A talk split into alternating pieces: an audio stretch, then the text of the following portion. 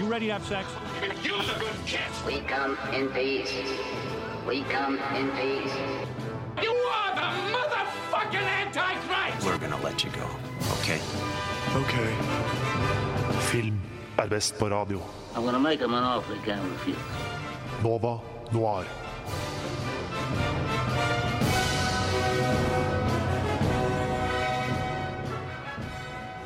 Ja da, det er torsdag igjen, og det betyr at eh, alles favorittfilmprogram er her igjen. Det er Nova Noir, og i dag så er det en liten sånn takeover som har eh, funnet sted. Det er nemlig i dag Sorgenfri som skal geleide dere gjennom denne Nova Noir, disse to Nova Noir-timene.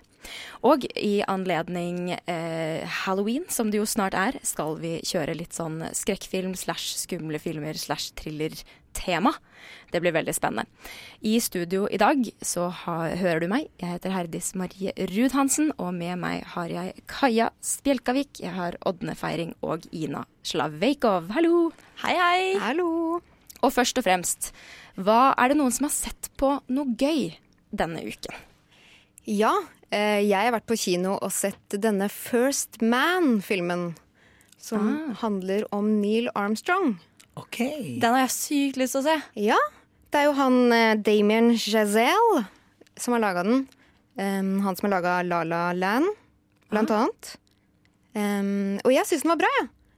Den var litt sånn um, Når man lager en film om en så stor amerikansk helt, så blir det jo fort mye klisjeer og liksom sånn opphøyning. Men den var så nedpå som en sånn film kan være, tenkte jeg. Skjønner dere hva jeg mener med det? Den ble ikke for sånn overdådig å se så fantastiske vi er-type. Jo, litt av det, men såpass langt nede som jeg tror var mulig for amerikanere å lage det. det var liksom sånn, ja, OK, og de viste liksom de dårlige sidene ved hele det romkappløpet. Og jeg skal ikke spoile noe her, men det var mange mm. liv som gikk tapt. Generelt. Og så viste det litt av eh, hvor vanskelig Altså, det var jo vanskelig å være kvinne på den tiden i, USA USA over hele verden. Men det var søren meg ikke så lett å være mann heller. Så det var litt kjekt, da. Det var liksom noe med det vanskelig å vise følelser og sånn. Men ga det deg noe nytt? Og så er det en ganske sånn kjent historie i utgangspunktet. Um, nei, den ga meg vel egentlig ikke så veldig mye nytt. Bortsett fra at eh, jeg liker Buzz Aldrin enda bedre nå. For han eh, er en spesiell skrue, så det syns jeg var kjempegøy. Men eh, egentlig ikke noe annet enn det. Det er alltid fint å få bekreftet at folk du egentlig var ganske sikker på var spesielle skruer, er det på ordentlig. Ja. Han har eh, dårlige sosiale antenner ifølge denne filmen, og det var veldig gøy. Men åssen var Ryan Gosling i den filmen? da? Var han sånn ah, kule Ryan Gosling, eller var han litt bøss? Eh, han var ikke Buzz. Nei. Neil. Neil. men, eh, men veldig på lett. Buzz ja, vet du. Men eh, nei, jeg syns han fikk frem det godt. Han var veldig nedpå, og det var veldig sånn jordnært, på en måte. Men uh, Han er jo egentlig blitt litt av en kameleon, Ryan Gosling. Syns jeg han gjør veldig mye forskjellig veldig bra, egentlig. Mm. Men uh, Ådne, da, har du sett noe spennende denne uken her? Du, jeg har sett meg gjennom en hel sesong uh, med den eh, ene spenningsserien som går på NRK, eh, som heter Grey Zone. Ah. Dansk krimserie. Kjempespennende. Den er veldig spennende, og det som var så interessant med den serien, eh, var at den virka ganske dårlig første episode. Og så tenkte jeg ja ja, jeg får se en episode til. Og så tenkte jeg ja, den er fortsatt ganske dårlig. Men når jeg først har begynt å se den, så har jeg liksom lyst til å fullføre. Og så blir den bare, etter sånn fire-fem episoder, så blir den ganske bra. Så blir den bare bedre og bedre og bedre. Og i siste episode så er det plutselig Det er som Broen. Det er en av de beste eh, skandinaviske krimseriene jeg har sett. Hva er det den går ut på? Eh, du, det er en sånn eh, Det er en sånn eh, psykologisk thriller, holdt jeg på å si. Så det er ei kvinne som rett og slett blir tatt som gissel i sitt eget hjem av eh, noen eh, skumle arabiske terrorister, selvfølgelig. Litt, eh, Litt klisjé der. Litt klisjé der. Det er de skumle arabiske terroristene som skal bombe Danmark. Det er det det handler om. Aha. Men det er en liten twist utover der, så kanskje det ikke blir så svart-hvitt som det høres ut som. Det blir faktisk en ganske politisk serie. Med kritikk både til det danske storsamfunnet og til media og til eh, ja, kanskje vår måte å se på terrorister på. Ja, Det høres jo veldig, veldig interessant ut. Men jeg syns det er vanskelig å gi noe fire-fem episoder hvis det er dårlig i starten. Da beklager jeg, men da har jeg falt av på episode nummer tre. Ja, jeg, jeg var ganske, ganske flink der. Det var faktisk et tidspunkt eh, i episode nummer syv hvor jeg måtte sette på pause fordi jeg begynte å gråte. Shit, kritt. Oi, oi. Så det her er en, en serie man, man burde se. Du har litt dårlig tid på deg, for den ligger bare ute i ti dager til. Oh, nei. Oi, oi, oi. Oi. Da må dere gjenta tittelen for oss. eh, Grey Odne. Zone heter den. Grey Zone, ja. Så da må dere løpe og se den hvis dere vil få den med dere. Ina, Ja. har du sett noe gøy denne uka her? Jeg har starta på to nye serier, for jeg starter gjerne på to ting samtidig. Eh, Så jeg har starta på Maniac, som begge to er Netflix-serier. Spoiler. Eh, Maniac med er det Jonah Hill? Det er det han heter. Og Emma Stone eh, i hovedrollene. Eh, det er veldig spennende. Eh, handler om at de er forsøkspersoner. Ja, de blir på en måte det av ulike grunner, men blir forsøkspersoner for et nytt eh, type dop. Som har med traumer blant annet å gjøre. Eh, veldig, veldig spennende. Og så er det jo gøy at den er basert på en norsk eh, serie, egentlig. Er den det? Ja, det er jo den norske TV-serien Maniac som gikk på TV2 i fjor. Forrige fjor. Skrevet av han Espen Lervåg og Håkon Hva heter han? Bast Mostigen? Jøsses, det her er De hadde det som eh, eksamensoppgave på Westerdals. Avsluttende eksamen i tekst. Nei. Her er det fun facts på fun facts. Ja, ja, ja. Og så ble det kjøpt opp av USA. Men den er visstnok eh, litt annerledes, da, den amerikanske versjonen. De har gjort ganske mye med selve konseptet. Men allikevel, det er jo kjempegøy. Kjempespennende. Og så har jeg sett en annen ting som sikkert veldig mange har hørt om at skal komme ut. Eh, 'Making a Murder' sesong to. Ja, den er det jo veldig mange som har store forhåpninger til. Jepp, fordi hva mer kan man egentlig finne ut av? på en måte? Nei, kanskje ikke så mye, eller? Eller, ikke sant, det er nettopp det. Jeg er, eh, jeg er veldig fan av true crime generelt, den sjangeren der. Og jeg er imponert av hva de har fått til med å, ja, det å lage sesong to. Jeg kommer ganske langt uti nå.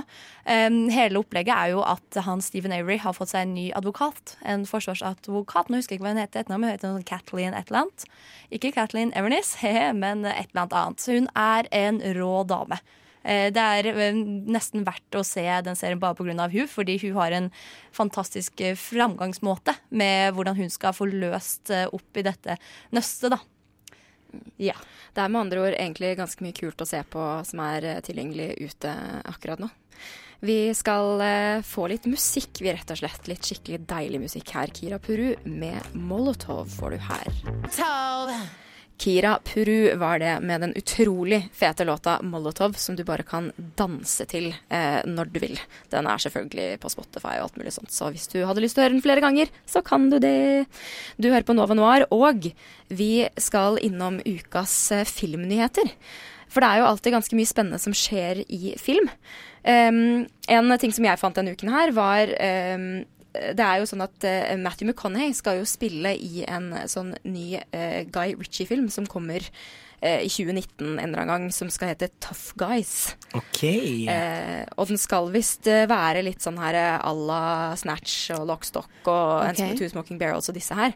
Men hvor er handlingen lagt, vet du det? Det er i Storbritannia. Og, og det, ja, for jeg er umiddelbart skeptisk fordi at Matthew McConaughey, så vidt jeg vet altså, Nå er det ikke annonsert hvem som spiller hvilke roller, men han er annonsert øverst, så jeg regner med at han får hovedrolle. Ja, og og han da- skal være britisk. Ah, nei, nei, nei. Og det verste Det jeg vet omtrent i hele verden, er amerikanske skuespillere som skal snakke med britiske aksenter, fordi ni av ti ganger kan de ikke det Ok, i det hele det tatt. Det det, pleier å gå veldig dårlig. ditt uh, med denne nyheten, rett og slett. Det er faktisk det største problemet mitt. For jeg vel, altså, ti, hadde du sagt dette for sånn fem til ti år siden, så hadde jeg bare sagt Ugh, Matthew McConaughey, skjønner? Men han har blitt så Han er jo Han har vokst nå. så mye som skuespiller og faktisk blitt litt flink. Gi en liten recap på hva han har spilt i det siste. da. Hva er det han har gjort helt til det er eh, den Gold, nei, Gold Rush? Hva er den, nei, hva heter den? Den som han eh, Oi, nå, nå så jeg helt stille. Ja, ja, vet du hva, du kan ikke bare stille oss. Men eh, Nei, men jeg vet jo ikke hvem dette er i det Denne- hele Jo, tatt. han- ikke Denne? True Detective. Ja. Der føler jeg, da ble det veldig tydelig. Han er superflink. superflink. Men om han skulle snakke britisk i den serien, da hadde ikke det vært en like bra serie. Jeg er skeptisk til denne filmen. Jeg har trua fordi det er Matthew McConaughey. Jeg liker, Etter at jeg så Dallas Buyer Club, så ble jeg overbevist om at den fyren der kan uh, mye. Ja, Ja, for der han var var han veldig- også veldig god. Utrolig god. Eksepsjonelt. Og veldig morsom i Wolf of Wall Street også. hvis dere har sett det, hvor han driver med denne brystdunkinga. Ja, ja, ja der er han også veldig Jeg spiller jo en mindre rolle der, da, selvfølgelig, Ja. men der er han også ganske, ganske god, syns jeg.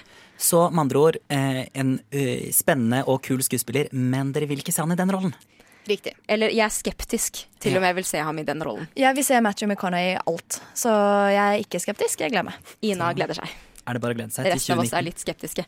Også en annen nyhet, eller jeg vet ikke hvor ny den nyheten er, men det er visstnok eh, spikra nå at Margot Robbie skal spille Barbie i filmen om Barbie. Herregud. Som også skal komme neste år. Som i Og det tenker jeg er faktisk helt perfekt, for hun ser jo ut som en Barbie-dukke. Det er jo helt fantastisk.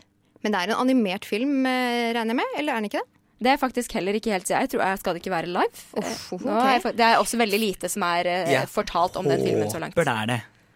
Ja, fordi jeg er også litt skeptisk til dette. Hvor eh, har jeg lyst til å se en live action eh, Barbie?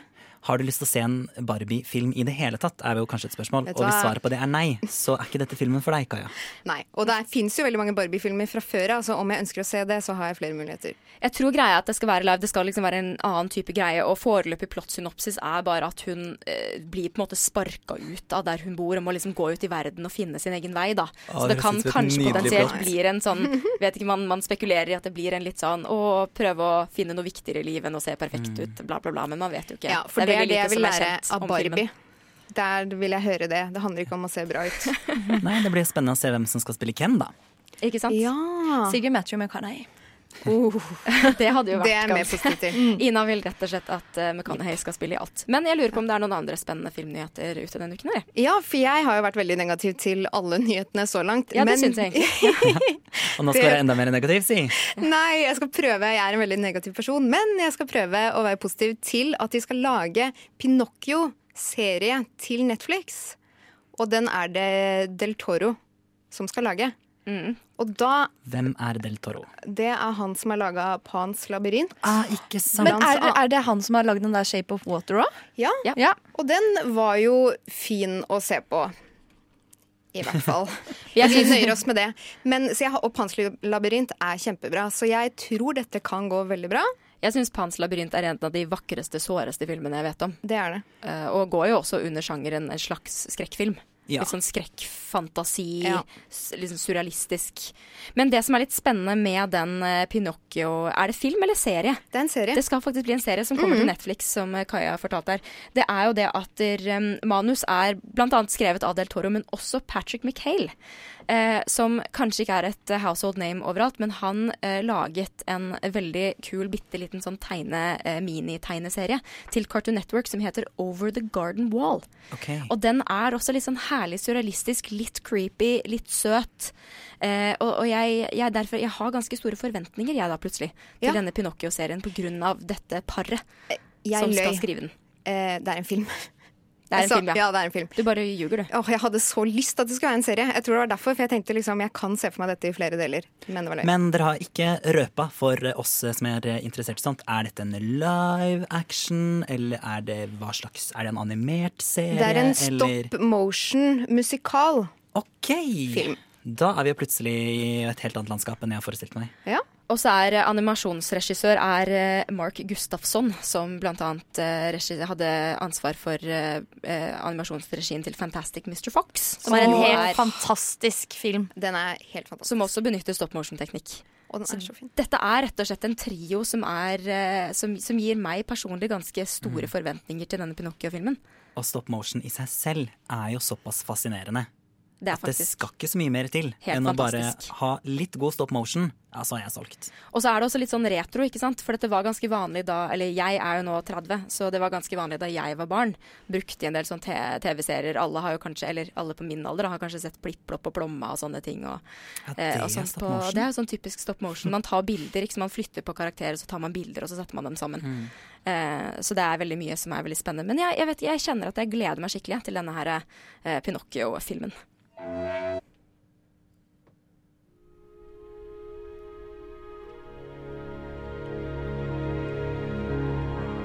Nova Noir presenterer Ukas kinopremierer. Jeg har nemlig vært på kino og sett den eh, nye barnefilmen 'Småkrypenes magiske hage'. Eh, og det er, for dere som eh, sikkert ikke kjenner til den fra før av, så er det en fransk animasjonsfilm basert på en barnebokserie av den ganske populære franske forfatteren Anton Krings. Eh, dere kjenner kanskje ikke til han, men han er visstnok veldig populær. Eh, og det som er litt spennende, er at han er også regissør av filmen. Eh, og det er sikkert ikke så vanlig. Eh, Den har premiere 26. oktober. Eh, Jeg skal straks si hva jeg syns om denne filmen, men la oss først eh, høre litt fra traileren. Denne høsten Vi slår til i natt. Der er du, Deres Majestet! Oppdager vi Dronningen er borte! Jeg er den nye dronningen deres. vår indre tapperhet. Kom igjen! Vi skal redde dronningen! Ja!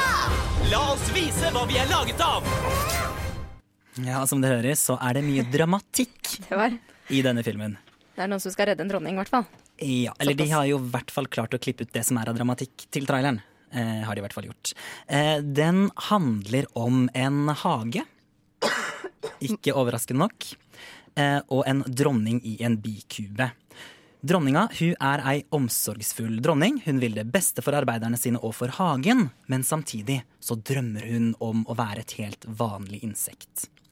En dag så kommer gressappa Apollo til hagen. Han er en sånn eh, klumsete, avdanka revyartist og showman som liksom gjør alt feil. Han er den karakteren. Eh, men samtidig som han kommer, så planlegger den onde vepsen Wenche. Hun planlegger et statskupp.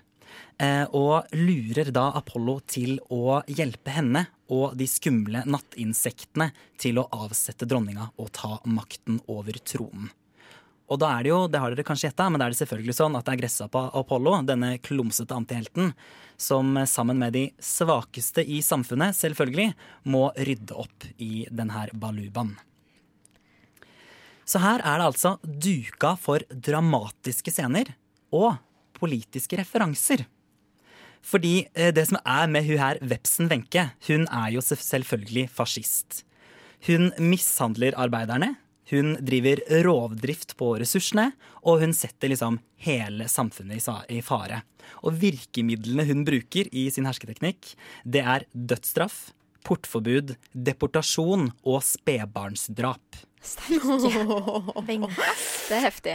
Og hun har også faner og flagg med fascistiske trekk. Så er det ganske lett å trekke paralleller til hva som skjer, kanskje til og med i Frankrike. Problemet her, da, er jo at dette er en veldig dårlig film. eh, og det kommer av at den mentalt sett er for de aller, aller minste barna. Fordi den er, liksom, den er veldig enkel og den er veldig grunn. Men den inneholder veldig voldelige scener, eh, som gjør at den har fått aldersgrense seks år. Men barn over seks år er jo mye, mye, mye mer intelligente enn det som denne filmen klarer å eh, levere, og hadde fortjent mye, mye bedre enn det. Altså, eh, hør, hør på liksom den replikken her, for eksempel. Du er en fremmed her, men du er en gave for landsbyen. Altså De kunne godt brukt litt penger på en bedre oversettelse av dette manuset. Eh, men skummel, det er den. Den er kjempeskummel. Eh, og vi har jo skrekkfilmtema i dag, så det passer jo fint. Altså, De her heltene de er barbarer. De innleder et blodig korstog mot, mot vepsene. Eh, her er makabre drap. Det er grusom tortur. Eh, det er f.eks. en scene, en ganske sånn traumatisk scene, vil jeg tro, eh, hvor de binder en veps fast i en nyttårsrakett. Og så står de og jubler når da raketten med vepsen eksploderer. Um, men likevel, da, på tross av veldig voldelige scener Det er noe av det voldeligste jeg har sett, i en, i hvert fall i en barnefilm, men kanskje sånn altså, Det er så voldelig. Eh, så er det en, fortsatt en veldig sånn platt og tannløs film, og det er selvfølgelig kjærlighet det egentlig handler om. Eh, altså, man kunne kanskje tro at budskapet her er at Marie Le Pen egentlig er snill, men bare mangler litt kjærlighet. Og så er hun ikke så fascistisk likevel. Men jeg håper ikke det er det som er ment her. Um, det her er i hvert fall ikke en sånn film som blir stående som en klassiker. Jeg tenker sånn, Den her har potensialet til å selge masse Macmeals, men ingen kommer til å huske den om tre måneder. Tre måneder, ja. Det var veldig kort. Så det er liksom, den, den kan selges litt på verdi av eventuelt figurer man kan putte i en eh, Happy Meal. Ja, Eh, og den og, er og jo- mindre for story og, Og den er jo framføring. også basert på en populær barnebokserie. Så figurene eh, er det nok noen som vil kjenne igjen, og der kan man lage kosedyr og små figurer, og det er ikke måte på. Men hvordan, altså var de søte? Hvordan var animasjonen? Var det kvalitetsanimasjon, Åh. vil du si? Jeg skulle så gjerne ønske meg at det var kvalitetsanimasjon, og jeg har Mm. sett litt på illustrasjonene fra disse bøkene, og de ser sånn helt ålreit ut. Men det er altså så stygge animasjoner. Å nei. Rett og slett. Eh, ja. Det var vel, du var vel ganske glad for at filmen tok slutt, da? Ja, eh, det var veldig fascinerende å se disse blodige scenene på slutten der, da. Men eh, jeg ble faktisk ganske irritert. Jeg håper ikke at noen foreldre tar med seg barna på denne filmen, og det er mest fordi jeg vil ikke at foreldre skal se denne filmen. Eh, men jeg må jo avslutte bare med å si, hvis vi skal rangere det på Nova Noir sin skala, terningkast Ja. Eller de, vi har en skala fra én til 10. Ja. Det blir en toer. Det blir det. Ja. Det var eh, slakt. Kraja, allting børjar med et slut, sånn som eh, ofte skrekkfilm også gjør. Eh, begynner med at noen eh, ofte mister livet sitt ganske brutalt. Det har jo, vi snakker jo om skrekkfilm her i Nova Noir i dag, og vi tenkte vi kunne ta, oss, ta for oss litt skrekkfilmhistorie. Eh, For skrekkfilmen som sjanger har eksistert i over eh, 100 år. Eh, det, måte det første um, man ser, er ofte inspirert av litteratur fra forfattere som f.eks. Edgar Allan Poe, Brant Stoker, Mary Shelley.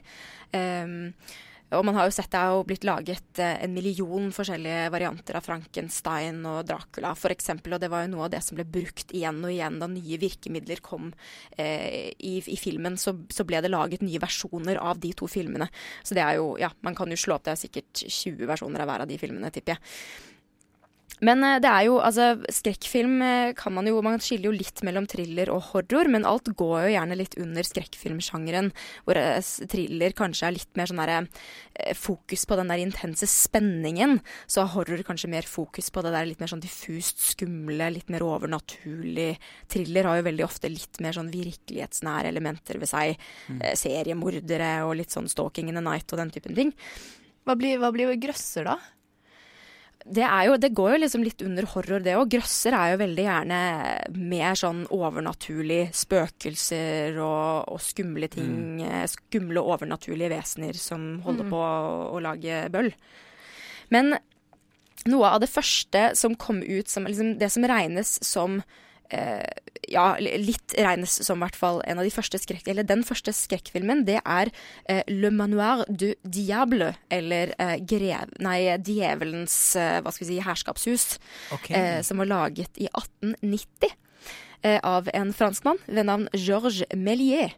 Um, og den var visst egentlig ikke ment som en skrekk-skrekkfilm. Det var ikke noe som het skrekkfilm på den tiden, men mer som en sånn litt sånn skummel, litt sånn morsom, litt sånn, kortfilm, svart-hvitt kortfilm. Eh, alt uten lyd, som det da var på den tiden. Og tekstplakater sikkert, da, med Bø. Ja.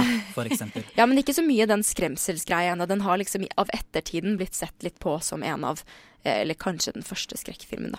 Men er det en sånn typisk film som har gått tapt i filmhistorien, eller går det an å se den i dag? Vet du hva, akkurat Le Manoir de Diable er jeg ikke sikker på. Jeg vet at La Caverne Maudite, som er eh, laget av samme, eh, samme regissør, og som definitivt regnes innenfor, eh, innenfor skrekkfilmsjangeren, den var laget i 1898, så åtte år senere. Mm. Den vet jeg er tapt. Eller den regnes for tapt, da. At den Mm. kan eksistere hos noen i et eller annet bortgjemt eh, filmbibliotek. Åh, det ligger på et loft et eller annet sted, Kan det jo tenkes, men den er regnet som bort eh, Nei, eh, regnet som mistet. Mm. Men eh, Le Manoir du Diable er jeg faktisk ikke sikker på.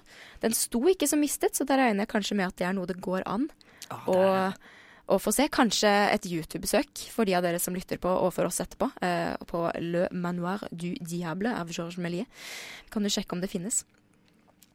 I eh, 1910 da kom den første Frankenstein-filmen. Ja, Da skjedde det for alvor. da skjedde det for alvor. Og da var det på den tiden var det jo fortsatt uh, stumfilmer. Um, og svart-hvitt. Uh, og uh, det blir jo en litt annen en helt annen type stil enn det vi er vant til å se på nå. Men det var jo gjerne sånn det var i begynnelsen, som sagt, ofte basert på bøker og sånne ting.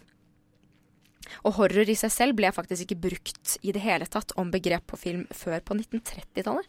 Mm, ganske seint, faktisk. Mm. Så før det så var det vel bare litt mer sånn dette er litt skummelt, eller eh, det, det, det, fløt litt i andre sjangere. Ja, Var ikke en eh, egen sjanger ennå. Nei. Det gikk litt mer i det litt overnaturlige, litt skumle, litt groteske noen ganger, eh, som etter hvert kom sammen til å bli en slags eh, skrekkfilmsjanger. Mm. Men jeg syns det er veldig spennende å tenke på hvor lenge det egentlig har vært skrekkfilm, og, og, hva slags virkemidler man tok i bruk før når man ikke hadde alle disse, eh, alle, alle, disse alle CGI og sånn som man har nå, før man hadde farge, før man hadde lyd på film, så lagde man fortsatt skumle filmer som folk Folk ble på en måte redde nok av dem til at man i hvert fall av ettertiden har kalt det skrekkfilm. da. Mm. Det syns jeg er ganske morsomt. Men folk blir jo, altså den eh, liksom, tradisjonen med å bare fortelle skumle historier har jo også vært håper eh, jeg, til evig tid. Men det er jo noe mennesker syns er fascinerende med det å bli skremt. Så skulle kanskje mindre til før, men eh, det har jo alltid vært sånn. Ja. For det er jo sånn, ja, det er som du sier, man, man, det er jo et eller annet litt sånn For meg i hvert fall er det et eller annet litt sånn katartisk av å bli skremt av film. Mm. Fordi jeg kan være en ganske sånn nervøs og nevrotisk person, men når jeg ser noe på film, så er det så, det er så isolert, da eller leser noe i en bok for den saks skyld, så er det, så, det, er, det er en sånn isolert opplevelse hvor jeg kan bli redd av noe på en film som ikke er virkelig, og som ikke jeg må egentlig forholde meg til i mitt virkelige liv. Men som da kan få ut en slags sånn fryktspenningsfølelse. Sånn at man nesten er litt sånn etterpå. Jeg vet ikke om noen andre opplever det sånn? Jo, absolutt. Og jeg føler veldig at når jeg ser skrekkfilmer, så er det så deilig på at jeg føler så mye. For jeg kan se ganske mange filmer og ikke føle så eh, veldig mye, egentlig. Jeg er bare sånn, å, det er spennende. Men med skrekkfilmer så det, det går Jeg skjønner hva du mener med katarsisbegrepet, for det går virkelig inn i Ja, jeg kjenner det i magen, liksom. Mm. Eh, kjenner det fysisk eh, vel så psykisk, nesten. Og det syns jeg er eh, både gøy og ikke så gøy noen ganger. Og ja. kanskje det kan være et clou til hvorfor skrekkfilmen har uh, overlevd så lenge som den har. Mer om uh, skrekkfilmhistorie nå. Uh, Dolores Haze med 'Flipp' fikk du der. Du lytter til Radio Nova. Og eh, her i Nova Noir i dag så har vi skrekkfilm eh, som tema. Og vi begynte litt på skrekkfilmhistorie, veldig tidlig skrekkfilmhistorie. Men jeg tenkte vi skulle hoppe litt lenger frem til f.eks. 1930- 50-tallet. Hvor vi kommer litt inn på Der har det kommet farge Nei, ikke farge ennå, men det har kommet lyd på film, i hvert fall. Som gjør det litt eh, lettere kanskje å skremme folk med litt mer sånn det vi ser på som litt mer tradisjonelle virkemidler. Eh, skumle lyder og musikk og altså, man, Jump scares og Litt mer jumpscares jump scares og sånn. Men det som er veldig populært eh, på 1930-tallet, det er sånn gotisk horror. Vi var inne på Dracula, Frankenstein, den type ting. Det kommer liksom veldig Da mm. blir det laget eh, eh, mye sånt. Ofte sånn monstrøse, tause antagonister som gjerne ikke De kan ikke snakke for seg selv, så de virker skumle fordi de blir litt sånn umenneskeliggjort.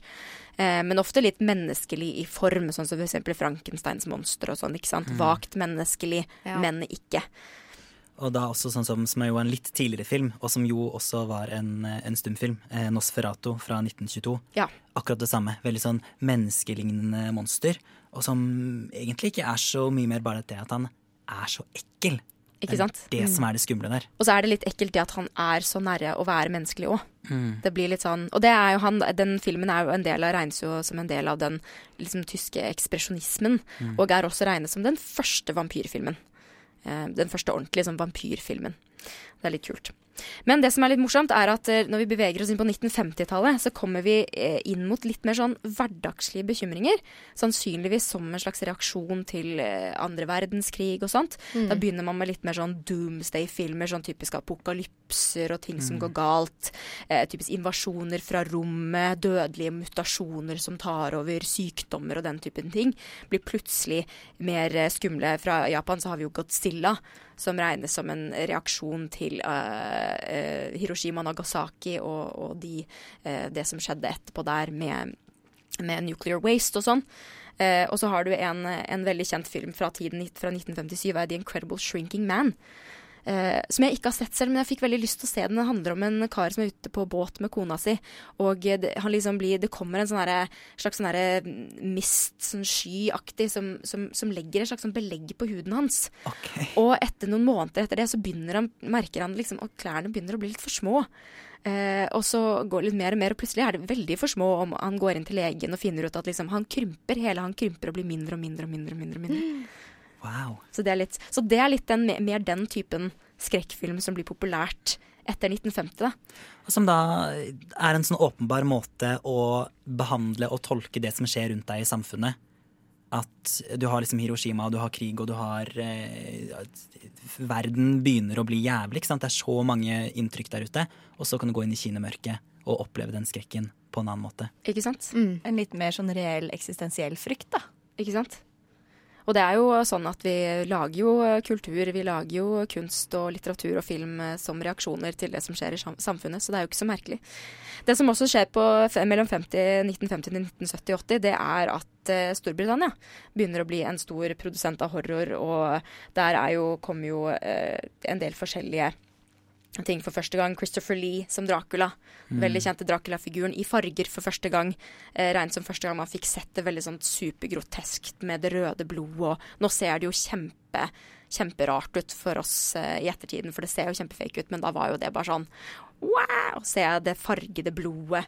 Um, så har det jo sånn som Psycho er fra 1960-tallet, og den såkalte slasher-filmen vokser fram. Typisk eh, litt mer sånn igjen litt sånn mer virkelighetsnær, skummelt. eh, Gjerne en eh, gjerningsmann som går etter en stor gruppe mennesker, som regel med et slags knivvåpen. Mm. Eh, som har gitt opphav til den slasher-sjangeren. Og veldig sånn groteske elementer. Ikke sant? Da har du sånn som Rosemary's Baby av Roman Polanski kom jo på, i 68.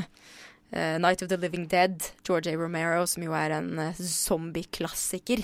Eh, og faktisk vel verdt å se også for et ettertiden. Den er, ganske, den er ganske skummel, faktisk. Selv om den er litt sånn Det er jo 60-tallet, så effekten er jo ikke sånn som å se på The Walking Dead, liksom. Nei, for det er jo en, del av disse filmene har jo på en måte holdt seg som gode filmer, men de er kanskje ikke nødvendigvis så skumle som de var en gang, fordi effektene føles litt fakere enn de gjorde da. Men når jeg så Rosemary's Baby, for jeg så den altfor sent, egentlig. Jeg så, tror jeg så den i fjor, eh, eller noe sånt. Eh, Og den syns jeg var kjempeskummel, for jeg er veldig redd for alt det som har med graviditet å gjøre, og i det hele tatt føde et barn. Eh, Og så så jeg den, og den traff meg veldig. Da, egentlig. Ja, Så jeg, jeg vil si at den fortsatt uh, holder det jo- stil. Det er jo noen som gjør det. Jeg så jo også 'Eksorsisten', selv om den begynner å bli ganske gammel òg. Mm. Og det er jo ekkelt. Men det er jo noe med det som sier liksom barn som jeg syns er litt ubehagelig, da. Barn er- generelt ubehagelig. Men Det er veldig morsomt at dere sier, for det, er jo et tema som blir veldig populært på 70-tallet. Eh, og da med, som eh, du nevner, 'Eksorsisten', som kom ut i 73. Og da ble det sånn eh, Det er mye okkult tematikk, men det er ofte sånn onde barn, reinkarnasjon, graviditet, litt sånn sånne ting. Som er mye sånn tematikk som folk syns er skummelt eh, i det tidsrommet, da, tydeligvis. Og det er litt spennende. Og der kommer det jo også veldig veldig mye. Det begynner å Altså du ser jo på 70-tallet og fremover så er jo eh, virkemidler i film blitt mye mer avanserte. Du kan lage veldig mange flere filmer, så da kommer det jo liksom PC jo på med mer og mer. Du har jo eh, Stephen Kings eh, første roman som ble gjort til en film, som jo 'Carrie', som kom ut i 1976. Du har 'The Shining' fra 1980. Og så kommer det jo en av mine favorittfilmer som startet jo en sånn trend med dyrehorror. Dere kan jo gjette hvilken det er. Det er nemlig 'Jaws' fra 1975, og den startet litt sånn dyre... Herregud, det er jo tatt helt av siden det. Ikke Ja. sant? Med piranha nå. Er det noen av dere som har sett piranha? Nei. Nei, Basically samme konsept, da, bare med sånn pirajafisk. Eller hva det heter. Det heter vel piraja. Mm. Ikke sant? Det er, ganske mye, det er ganske mye forskjellig. Det som også kommer på 70-tallet, som vi skal få lov til å høre litt om nå, det er eh, den såkalte giallo-sjangeren. Litt sånn der, det vi kaller spagettiskrekkfilm. Vi skal høre litt om det nå.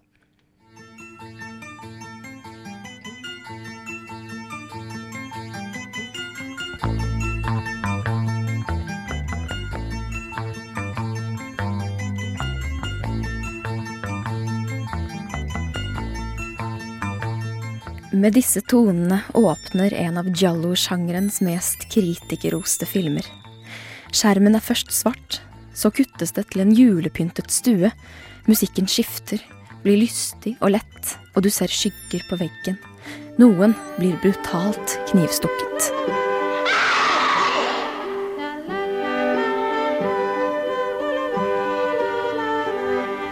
Profondo Rosso, eller Deep Red, kom ut i 1975 og er bare én av 70-tallets mange kultklassikere innenfor sjangeren skrekk.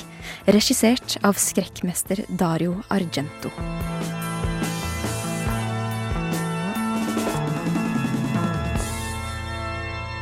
Du lurer kanskje på hva som ligger i begrepet giallo. Giallo er en skrekkfilmsjanger som omfavner både mysteriefortellingen, tradisjonell krim og noen ganger det overnaturlige. I italiensk tradisjon er bare giallo brukt som en samlebetegnelse på skrekkfilm. Men i USA og i resten av Europa blir den forbundet med en veldig spesifikk del av spesielt den italienske skrekkfilmen. Kjennetegnet ved en mystisk, ofte skyggelagt drapsperson og grusomme, stiliserte dødsscener. Fordi mordene ofte finner sted mens offeret er mest mulig sårbart, innebærer giallo-sjangeren også en del nakenhet og fysisk intimitet, som til tider nesten kan invitere til en grotesk form for voyeurisme. Giallo-sjangeren har sitt opphav på 1900-tallet, men når man snakker om sjangerens storhetstid, tenker man gjerne spesifikt på 1970-tallet.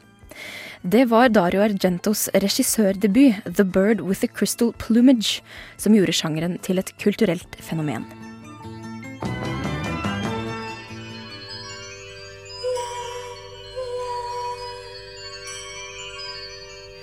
Dario Argento er født i Roma. Han var tidlig interessert i film, og startet som filmkritiker allerede mens han gikk på videregående. Videre valgte han bort universitetet til fordel for en jobb som spaltist i avisen Paesi Sera. Og det var mens han jobbet i avisen at han også begynte å jobbe som manusforfatter. Mest nevneverdig i denne epoken er hans arbeid med Sergio Leone, da med filmen Once Upon a Time in the West.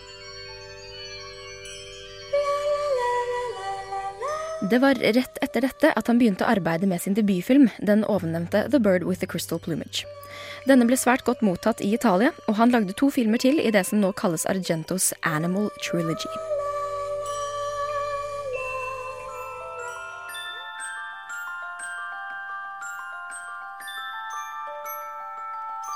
Profondo Rosso, som ble nevnt innledningsvis, var Argentos neste film. Deretter følger fanfavoritten Suspiria. Sammen med soundtracket, komponert av progrockbandet Goblin, er dette kanskje Argentos mest vellykkede og kritikerroste film. Den grenser til det surrealistiske i sitt fokus på lyd og bilde fremfor karakterer og plott. Andre nevneverdige filmer Argento har regissert, er Tenebre fra 1982, Fenomena fra 1985 og The Stendal Syndrome fra 1996.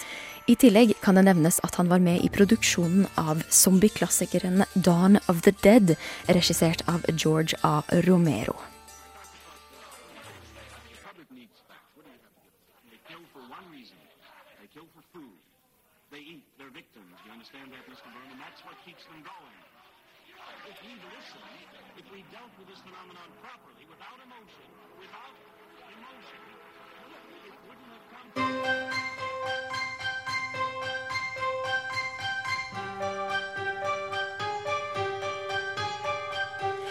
Mye av det som kjennetegner Argento som regissør og manusforfatter, faller sammen med det som er kjennetegn for giallo-sjangeren generelt.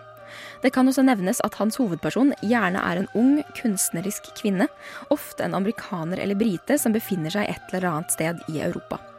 Filmene starter som regel med et mord, gjerne groteskt fremstilt, og hovedpersonen er ofte vitne til mordet.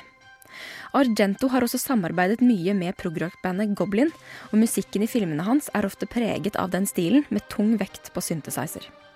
Han har sagt at han tenker på musikken som en av hovedrollene i filmene hans, og man kan oppleve at den ofte tar mer fokus enn man er vant til i skrekkfilmsjangeren generelt sett.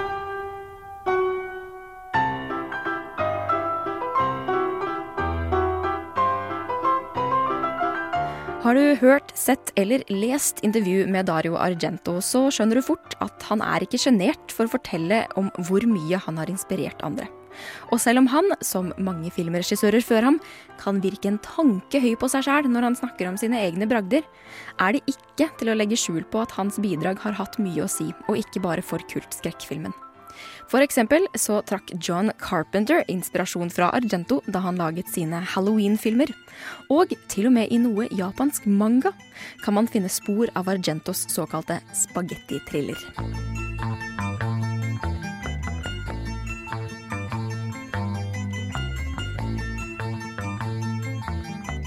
Ja, vi tok et lite dypdykk i Dario Argentos verden der. Han er jo kanskje regnet som 1970-tallets italienske skrekkmester. Eh, Jeg syns i hvert fall han har en del ganske fantastiske filmer.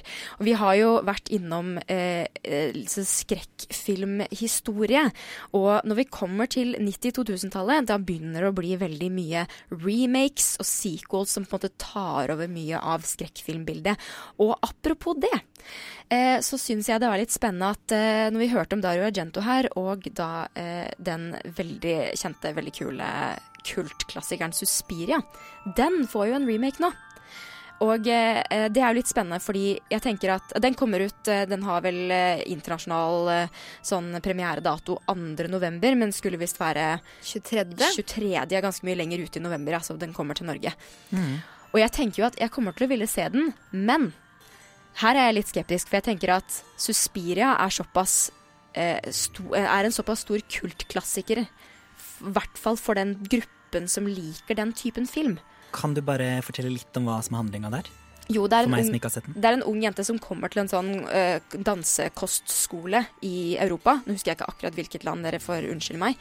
Um, hvor det da liksom med en gang skjer litt sånn skumle ting. da Det er en jente som løper ut og skriker, og hun ser Mm. fra vinduet sitt, og så på en måte avdekkes det gradvis et litt sånn lumsk, overnaturlig eh, mysterium her i dette. Og den er veldig sånn Det som er spesielt med Suspiria, er jo det at Jeg tror det nevnt, ble nevnt også i denne reportasjen at den bruker det visuelle og eh, musikken som nesten en slags egen karakter i filmen. Det er veldig Det overvelder sansene litt.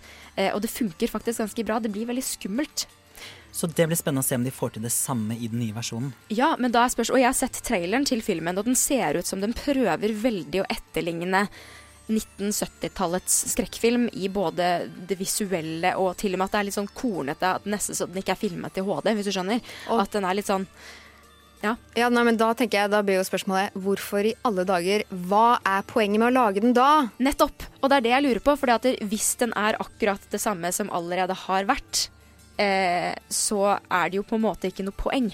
Da kan man bare droppe det. Men hvis den er veldig annerledes, så vil jo den skaren av mennesker som er interessert i dette produktet, bli fornærma. Skjønner? Mm. Så jeg synes det er en veldig sånn Da jeg hørte at de skulle lage en uh, Suspiria-remake, så ble jeg veldig sånn Hæ? Men hvorfor? Men jeg er spent, og jeg kommer nok til å gå og se den. Ja, du gjør det, Ja. selv om du liker Ja. Burde jeg som ikke har sett den gamle, burde jeg først se den nye kanskje, og så se den gamle etterpå? Det kan jeg nesten ikke si noe om før jeg eventuelt har Mm. sett den nye filmen. Men det kan jo være litt dumt, for da ødelegger du jo potensielt den gamle. Som Selv om, kanskje er den beste. Ja, for selv om Mm. den gamle er bedre, så er det jo det man ser først, er jo alltid mest spennende. Bare fordi man ikke kan historien fra før av. Ikke sant? Jeg er litt sånn i utgangspunktet veldig strikt på å gå for originalmaterialet først, og så se på adaptasjoner eller remakes eller sequels. Eh, en av uh, unntakene på det er Evil Dead franchise, som jo er en sånn her eh, sinnssykt sånn kjempeteit eh, franchise, men som ble veldig sånn populært for ettertiden. Jeg har faktisk bare sett Evil Dead 2. Uh, og det er helt enkelt og greit, fordi at den oppsummerer hele Evil Dead 1 i de første ti minuttene av filmen. Er ikke handlingen der det samme i alle filmene, uansett? Jeg tror også basically det er tilfellet. Ja, Nå har jeg ikke sett, sett treeren. Jeg har bare sett én av de. Det kan godt hende det er treeren jeg har sett, faktisk. Men jeg har også et inntrykk av at det er det samme som skjer. Jeg filmene. fikk faktisk anbefalt bare se toeren, fordi at du får som sagt et helt handlingsreferat i begynnelsen av filmen. Mm. Det er Det praktisk, da. Mm, da kan man liksom begynne rett på nummer to. Det gjorde jeg med den eh, 28 Weeks Later. Ja. Eh, for de som husker, for da var det jo 28 Days Later først. Jeg tror egentlig det var en bedre film, så sånn sett så var det bare dumt. Dumt av meg å begynne med nummer to. Ja, for det hender jo plutselig det noen ganger at, uh, at remaken eller sequelen faktisk er, eller oppfølgeren da, faktisk er bedre. Men det er jo heller sjeldent. Det er jo gjerne det motsatte. Vi skal høre litt mer musikk. Vi får Konradsen med 'Never Say A'. Konradsen fikk du der med 'Never Say A'. Litt sånn deilig avslappende musikk midt i skrekkfilmtemasendingen vår i dag. Og eh, vi, har, eh, vi er litt inne på sequels remix vi nå, Ja. innenfor skrekkfilm. Det er vi, og i det, eh, det lille dypdykket du laget tidligere i denne sendinga her, så var, nevnte jo du John Carpenter, som eh, var da inspirert av denne Suspira-filmen. Eller ja, han ja. Eh, Han ble i hvert fall veldig inspirert av musikken der da han lagde sin film Halloween. Og Halloween, den er jo tilbake igjen i da ikke en remake, men en sequel. Men denne halloween, altså tidslinja der, er litt sånn hurmulhei. Samme som med alle disse Jurassic Park-filmene og sånn nå. Ja, for nå har det blitt, Jeg er litt forvirra på hele halloween. For dette, dette, denne filmen vi snakker om nå, kommer jo på har premiere, norgespremiere på fredag. Ja. Altså 26. Og um, det er i morgen, det, faktisk. I morgen har den uh, norgespremiere. Ja. Og tida flyr. Uh, og da er det jo nok en gang Jamie Lee Curtis uh, som har hovedrolle, og som er hun samme karakteren. Ja. Så Som er rømmer fra han samme bad guyen. Ja. Så det er samme greia om igjen, bare seinere. Hva, og hva er egentlig greia? For jeg har uh, aldri sett halloween, jeg. Jeg forklar halloween litt for oss, Kaja. Så artig at du spør, for jeg har heller ikke sett halloween. Um, men eh, jeg har hørt mye på musikken til halloween, så det er det jeg har valgt å satse på der. Tror liksom, jeg har ikke tenkt at den filmen Jeg er jo ikke så glad i skrekkfilmer uh, generelt, så derfor hører jeg bare på musikken og holder meg unna ganske mange skrekkfilmer, for jeg syns det er for dårlig. Men jeg kan jo lese altså på en måte det, det som er eh, for, for den filmen nå, så er det jo, sier de jo egentlig veldig Det er jo hun Laurie Strode, som er samme karakter fra den helt første filmen, må ta opp kampen med Michael Myers en siste gang. Etter at hun så vidt unnslapp det blodige mord tok til hans på halloween 40 år tidligere. Så en dame som prøver å bli Eller som holder på å bli drept, da. Eller uh, av en eller annen morder. Ja, Så samme som alle andre Basically. skrekkfilmer. Ja. akkurat det samme. Men den gjør det kjempebra i USA, for den er allerede ute der. Og den, er visst, den har det hatt den beste filmåpningen, altså pengemessig, eh, på en film med en kvinnelig hov hovedrolle over 55 år. Oi. Så det, Wow. ja, ja, ja. Så det er jo litt kjekt, for det er jo egentlig ikke så veldig mange filmer med kvinnelig hovedrolle over 55 som ikke er Meryl Streep. Nei, og de filmene er finnes faktisk- jo generelt ikke. Nei, så, Så- det er jo veldig hyggelig. Og det er den nest beste åpningen i oktober noensinne. Og den beste halloween-åpningen noensinne, hva enn det skal bety. Og disse filmene de veit jo hva de driver med, så det er som regel i hvert fall ganske sånn effektive skrekkfilmer. Så den er sikkert verdt å se uansett. Ja, for jeg har hørt en morsom historie om denne halloween-filmen som jeg ikke kan garantere at er sant, men at John Carpenter lagde hele filmen, viste den til publikum, ingen syntes den var noe skummel. Så satte han seg ned da, vet du, og lagde ny musikk, eller lagde musikken selv til filmen, og plutselig så ble den megaskummel. Ja, for altså, musikk i film, det har jo kjempemye å si. Det har så mye å si, og jeg er generelt veldig skeptisk til at regissør også lager filmmusikken. Eh, For det har Clint Eastwood gjort i annet Mystic River. Er det ikke det? Jeg er ikke helt sikker på akkurat Ja, det, Uansett, det gikk utrolig ræva. Den filmen blir ødelagt av den ræva musikken som han har laga. Men her gikk det altså veldig bra. Ja, for du merker først, eh, måte, kanskje først hvor viktig filmmusikk er når du har en film som har skikkelig dårlig filmmusikk. Det er akkurat det. Og jeg tenker I skrekksjangeren også så er det så viktig fordi at det spørs litt på hva slags skrekkfilm du lager, eh, og, og, og hvor mye musikk du da trenger å bruke. Vi, vi nevnte jo dette med Suspiria i, før, før låt her, om at den hadde en veldig sånn, nesten sånn bombastisk soundtrack som tar veldig overhånd, men det er på en måte en effekt. Men du vil jo ikke det i en vanlig film. Du vil jo gjerne at det skal underbygge de der mest dramatiske scenene, hvor ting er veldig skumle, eh, på en effektiv måte. Så det er jo Mm. litt spennende. Jeg tenker på et eksempel fra ja, nærmere vår tid. da. Eh, It Follows. Jeg tror ikke den filmen hadde vært den samme hvis det ikke hadde vært for den synt-musikken der. Nei, det, og det er jo blitt brukt veldig effektivt i ganske mange filmer. Sånn synt, syntmusikk kan være utrolig creepy, ass. Det kan det, ass. Skal ikke, skal ikke tulle med synthesizere. Kanskje det er i det, i det alle filmmakere der ute, til neste skrekkfilm. Eh, hjemsøkt synt. Det må jo bli megaspennende. Jeg tror det. Jeg tenker Den, også. den følger etter deg. Hvor enn du går. Hvor enn du går. Og spiller skummel musikk. Så du, du, du dør av frykt. Fordi det er så skummelt. Ja, det her høres ut som en helt ålreit uh, uh, skrekkfilmidé, det. Vet du hva? Den er minst like bra som mange andre skrekkfilmer jeg har sett. Jeg skulle til å si, den er jo egentlig definitivt altså Særlig når vi snakker om oppfølgere, da. Der er det jo etterpå altså En av mine som jeg nevnte for ikke så lenge siden, en av mine favoritt sånn dyreskrekkfilmer er jo Jaws. Og jeg syns jo den første filmen der er et cinematisk mesterverk. Selvfølgelig, den er også veldig teit på mange måter. Men de oppfølgerne er jo det dårligste som noen gang er laget.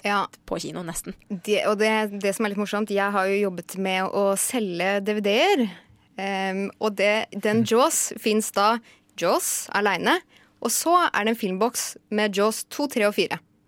Det vil, de vil liksom ikke være i nærheten av den ordentlige Jaws. Fikk ikke være med i den boksen. De skal ikke ha noe med hverandre å gjøre. 2, 3, 4 aleine. Det skjønner jeg egentlig himla godt. Pluss at du da får ikke lov til å bare kjøpe toeren hvis du vil se den. Du må kjøpe alle tre. Det er en veldig god pris på alle tre, da.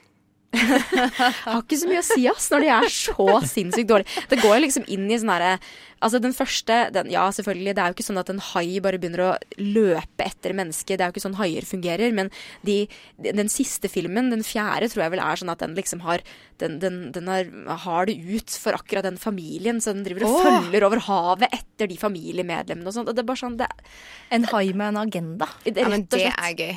Og det blir så, så, uvirkelig som det går an Men å bli. da. Etter at jeg har sett, eh, hvis jeg kan anbefale dokumentaren Blackfish, som handler om eh, spekkhoggere i SeaWorld. Utrolig trist greie. Men de er så smarte, og de går etter det personlig. Mm. Ja, de er i, i SeaWorld, så sånn sett så har de liksom ganske begrensa. Men etter å ha sett den, så tenker jeg faktisk at hvis du treffer en spekkhogger ute på havet, så er jeg helt sikker på at den kan følge etter deg og drepe deg hvis den er interessert i det. Og spesielt, og hvis, du har, og spesielt ja. hvis du har på deg en SeaWorld-uniform. Ja, ja, kjenner jeg med deg En gang. Da kan du egentlig bare kiss your butt goodbye, holdt jeg på å si. Den er ikke så urealistisk likevel, den fireren der, med andre ord. Hvis det hadde vært en spekkhogger, så hadde det kanskje ikke vært så sinnssykt urealistisk. The Regrets fikk du der med California Friends. Jeg har jo vært ganske negativ til skrekkfilmer i hele denne sendinga her. Og det har jeg tenkt å fortsette med nå, fordi Ina, du nevnte It Follows i sted. Det gjorde jeg. Og jeg å, å, nå bobler det over, for jeg har så mye jeg har lyst til å si om den filmen her. Fordi før den kom, eller da den kom, var det så mye snakk om å, fy søren, nå kommer det en film som revolusjonerer hele skrekkfilmsjangeren. Dette er skrekkfilmer for alle som egentlig ikke liker skrekkfilmer også. Den er bare superbra på alle mulige måter. Jeg, tror faktisk jeg dro på kino for å se den. Ja, vet du hva. Og så Starten er jeg med på. Jeg er med på premisset for den filmen, som er at det er en Hva heter det på norsk? Kjønnssykdom? Nei. Jo, kjønnssykdom. En STD. Så altså en seksuelt overførbar demon ja, en slags ja. seksuelt ja. overførbar forbannelse. Ja, sorry, det, det, ikke, det, er jo Ja. Så ja. The er, worst STD ever, basically. Jeg er, er så med på dette beviset. Mm. Ja, Allerede lyst til å se Jeg òg. Og jeg tenker liksom sånn herregud, megacheesy, men jeg er med på det. Så det er liksom sånn når du ligger med noen, så får de en demon som begynner å følge etter dem. Som kan ta formen til hvem som helst. Hvem som helst. Og den bare går etter deg til den tar deg og dreper deg. Og den kan ikke genialt. løpe, den bare går og går og går. Så hvis det går noen rett mot deg, så er det liksom mest sannsynlig den som kommer for å drepe deg. Ja, for det er nettopp det. Kan, det er det, helt genialt. du kan løpe fra den, fordi at den kan bare gå. Du den kan, kan kjøre raskt, men den vil etter hvert den tar deg igjen hvis du stopper opp. For den bare går og går og går og trenger ja. ikke hvile. Så jeg har ikke noe problem med det. Altså, det høres jo bare megakult ut. Og de første liksom, ti minuttene og hele liksom, starten der, så bare å, fy søren, dette blir jo kjempebra. Og så føler jeg at det som skjedde, var at manusforfatter liksom skrev så langt, viste det til noen filmprodusenter. De sa å, dette er megabra, dette lager vi. Og så hadde de bare skrevet ti minutter, fikk go på den filmen, og så var de nødt til å bare skynde seg å skrive resten. For det går så nedover, og den mm. blir så teit. Som mange skrekkfilmer blir, da, syns jeg personlig. Og den bare Den blir ødelagt av liksom bare Den holder ikke den spenningen. Det blir bare teit etter hvert. Og så kommer det alle mulige klisjeer, selvfølgelig, som skal være. Og en fyr som er liksom å nei og nei, jeg er sjalu fordi du ikke overførte demonen til meg. Og buhu, buhu. Hva er, det? Hva er det å ha med i en skrekkfilm? Og jeg har så lyst på den seksuelt overførbare demonen. Det er jo ikke det det handler om. Det er det det handler han er jo forelsket i henne. Ja, det er jo det å, jeg han vil er så forelska i noen at å, vær så snill å gi meg demonen, fordi jeg er så forelska i deg. Det er jo, han har jo lyst til å redde livet hennes, ikke sant? så skal han gå og ligge med noen andre. Og det er sånn man får liksom den demonen vekk. For ja, du, må ligge du, du må ligge videre, og da slutter demonen å følge etter deg. Og det er jo kjempegenialt. Så hvis du da bare fortsetter å ligge, og så forsvinner må, den langt vekk. Ja, men det er det også at hvis de da blir drept av demonen, så kommer den etter deg igjen. Så du må ligge med noen som klarer å ligge med noen som ligger Altså sånn at du kommer så langt unna det. Ja, men det skal ikke være så vanskelig, skal det? Ådne, det er null null sak, sier du? Ja, det ordner seg. Ja. Jeg syns jo ikke at den er uh, kjedelig. Jeg, jeg, jeg syns den er kjempegod. Jeg liker at den er eh, teit til tider. At den har en litt sånn der, Litt, litt sånn corny greie med seg. Eller de, er, de karakterene er åh, de, de gjør ikke så mye ut av seg heller, syns jeg. Og det syns jeg er deilig. Og så liker jeg det der konseptet som du også snakker om. Bare det, det er så enkel form for type skrekkfilm. Fordi ofte når jeg ser på skrekkfilmer, f.eks. It, så syns jeg det blir altfor mye. Altfor mye greier hele tida. Masse Ja, bare for mye ting. Mens her er det så enkelt. Det er så rent, hele det opplegget. Og det syns jeg er så innmari fint. Ja, Men det var det jeg ikke syns de klarte å holde på. Og de klarte ikke, Jeg håpet de skulle styre unna en del klisjeer, som jeg følte at de gjorde i starten, men så kom alle klisjeene på en gang. Og det likte ikke jeg så veldig godt. Det er jo fort gjort, det. Eh, kan jeg få si en annen skrekkfilm som jeg ikke liker? Ja, gjør det, Odne. Eh, jeg valgte nemlig å eh, frivillig se den filmen som heter A Serbian Film. Har dere hørt om den? Nei. Er du gæren? Er du gæren, er du gæren. Det er en eh, serbisk skrekkfilm fra 2010.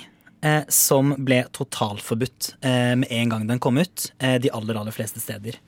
Eh, altså det vil si Fullversjonen på 99 minutter er totalt forbudt. Eh, mens eh, en Altså I Norge så ble det utgitt en, eh, på DVD en versjon på 95 minutter, men den ble også trukket tilbake Ja, med en gang. For apropos at jeg har solgt DVD-er. Vi fikk den i butikken, og bare Hvem i alle dager er det som skal kjøpe denne? Og så plutselig bare ah, Stopp, stopp, stopp, stopp, stopp, stopp, stopp. Vi skal ikke selge den allikevel. Men hvorfor, lurer jeg på, hvorfor ble den forbudt?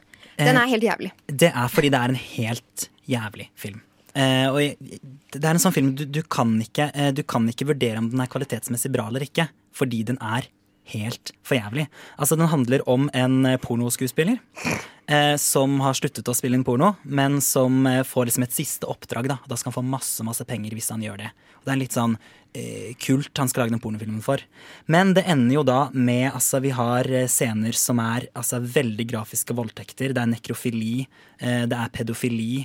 Og altså, det er noen scener der som av og til når jeg lukker øynene, så kommer bilder fra disse scenene opp Nei. i, i hodet mitt. Og så tenker jeg bare Hvorfor så jeg denne filmen? Altså, det her er sånn Det her er jo en levende skrekkfilm. Fordi man, ha, eh, man liksom etter Man jaktes på av disse scenene. Men det er, for jeg har lurt veldig mye på hvem er det som egentlig ser denne filmen? Hvem er det som gidder å se dette? Og svaret er jo da Ådne. Ja, altså jeg valgte jo, jeg visste at den var forbudt, og jeg kjøpte den på nettet. Eh, og den er jo ikke lov. Eh, eller det er litt sånn ullent, så det er kanskje lov til å Det er ikke lov å selge den, det er kanskje lov til å kjøpe den. Eh, men det viste seg jo også, eh, fordi altså, den var helt forferdelig. Så vi var litt sånn ok, men hvis dette er den sensurerte versjonen, hva er det da som er sensurert bort? Så leste vi hvilke scener som var blitt sensurert. De hadde vi sett. Så det er den usensurerte versjonen jeg har sett. Men det er jo det er, altså det er, ja, det er jo noen filmer som Det er vel kanskje bare laget som en slags sånn Dette skal være det mest grusomme i hele verden. Da. Ja, mest sannsynlig. Vi får høre litt mer musikk eh, i stedet for å snakke om disse fæle, fæle, fæle skrekkfilmene som vi forhåpentligvis ikke skal se noen av resten av oss. Det er Du skal få høre Vila med 'Confess'.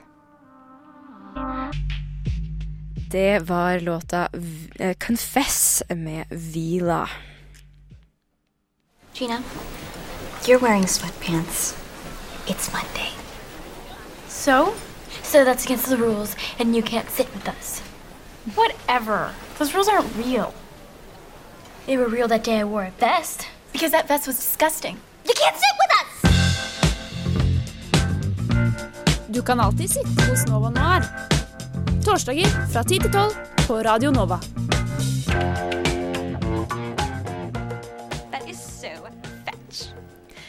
Ja, og i dag er det jo skrekkfilm det handler om her eh, i Nova Noir. Og vi har kommet til kanskje det viktigste programmet, nei, punktet i dagens sending. Eller kanskje ikke. Men vi skal snakke litt om skumle, celebrity crushes. Ja, fordi bare det at vi skal snakke om det, syns jeg er fascinerende. Ja, det syns jeg òg. fordi når jeg skrev skrekkfilm, så er det eh, sjelden jeg får lyst uh, på. Ikke. I want me some of that. Ja, det, ok, det var Men det var egentlig essensen. Ja, det er sjelden jeg får lyst på noen av de i skrekkfilmer, fordi det er liksom så ubehagelig. Jeg syns ikke det er så sexy. Jeg syns ikke sexy og skummelt henger så bra sammen. det er jo ofte kjekke menn og vakre damer eh, som blir utsatt for ting i skrekkfilmer. da. Har du ikke sett den eh, Jane Austen Vampire-greia? Nei. Nei, ikke sant? I mangel av helt tittel og hva den egentlig handler om, så er det en eller annen John Aston-greie. Den derre kjente filmen. Ja. ja eller boka. Pride and Prejudice and Ja. Zombies eller et eller annet. Ja, det der er er, det. Seth, Seth Det er Graham zombies. Smith har la, skrevet en bok Ja. basert på Pride and Prejudice som heter Pride and Prejudice and Zombies. Ikke sant? Og jeg har Ja. bare sett filmen og trodd at det var vampyrer. eh, men eh, det, var ganske, det var ganske hot, ass. Jeg har ikke sett filmen, jeg har Ja. lest boka. Ja, Kanskje de har filmen. vampyrer istedenfor zombier i, bo i Ja. filmen. Jeg vet Filmen er veldig dårlig, da. Det- men, ja. eh, men det er hotte mennesker.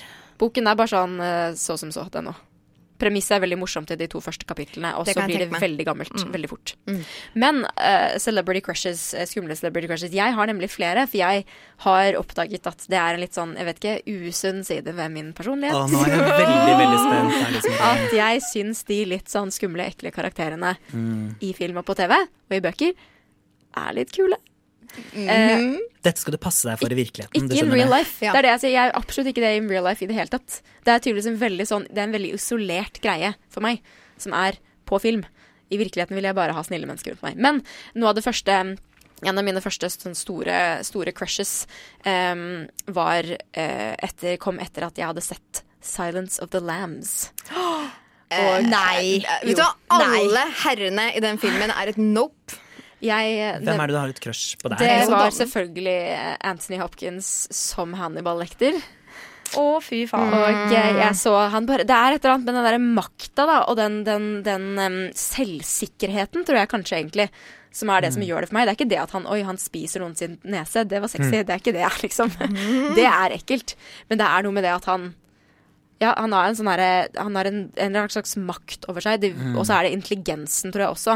Og så er det jo litt altså Anthony Hopkins, hvordan han spiller ham. Ja, for det gir, det gir litt mening når du sier det sånn, fordi han er jo en veldig dyktig skuespiller. Han har, veldig sånn, han har litt sånn erotisk utstråling. Kanskje han har det? Jeg tror, jeg syns Mhm. det. Jeg synes egentlig Det i hvert fall startet en ganske lang sånn obsession for meg med Anthony Hopkins. da, Jeg bare måtte se alt han var med i.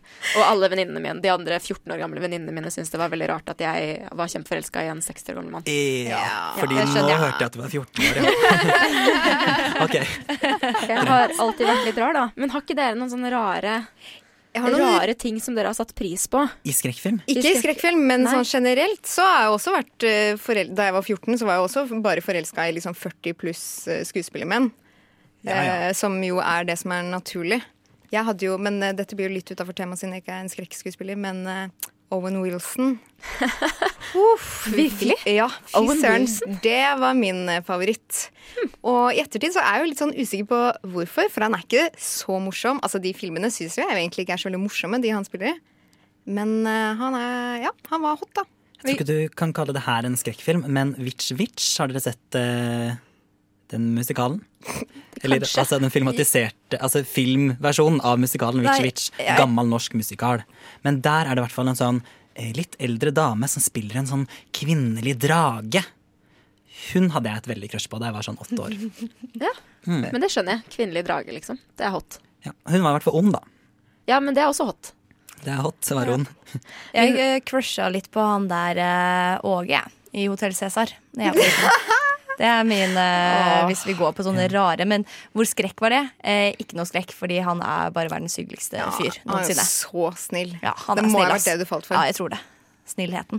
Men jeg tror kanskje bare det er du som eh, crusher på, eh, på skrekkfilmskuespillere. Kanskje det. Er det Marie? Men jeg kan være Ikke det at det blir det samme, men litt sånn eh, Denne litt sånn halvslemme greia. Sånn supervillains. Ja. Der Det kan jeg være litt mer med på. Men det er jo litt interessant, for dette er jo veldig mye av den der typisk sci-fi fantasy-sjangeren har tatt over en del av eh, på en måte målgruppen da, som ville sett skrekkfilm. Og det er jo faktisk en av grunnene til at eh, 90- og 2000-tallet var det veldig mye lite Det ble en veldig nedgang i skrekkfilmproduksjon. fordi at fantasy og sci-fi tok over. Så disse litt sånn, ja, typisk litt sånn sci-fi-villains og, og sånt er jo ofte det, det kan nesten kalles litt skrekkfilm, det òg, selv om det ikke egentlig er det Mm. lenger. Vi får høre litt mer musikk her nå med Bang Boom Crash.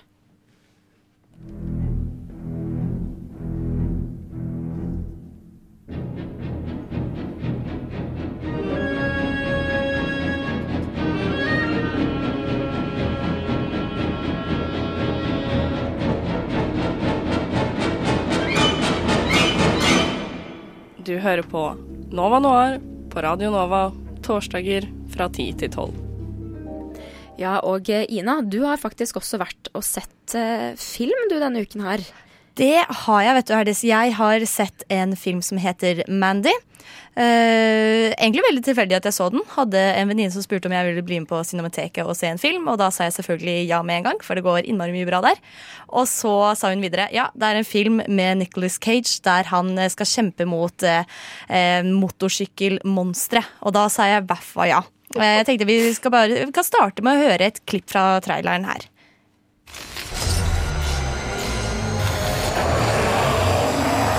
You're a special one, Mandy. I, too, am a special one. Let us be so very special together. So what you gonna do with that man? I'm going hunting. So what you hunting? It's crazy evil.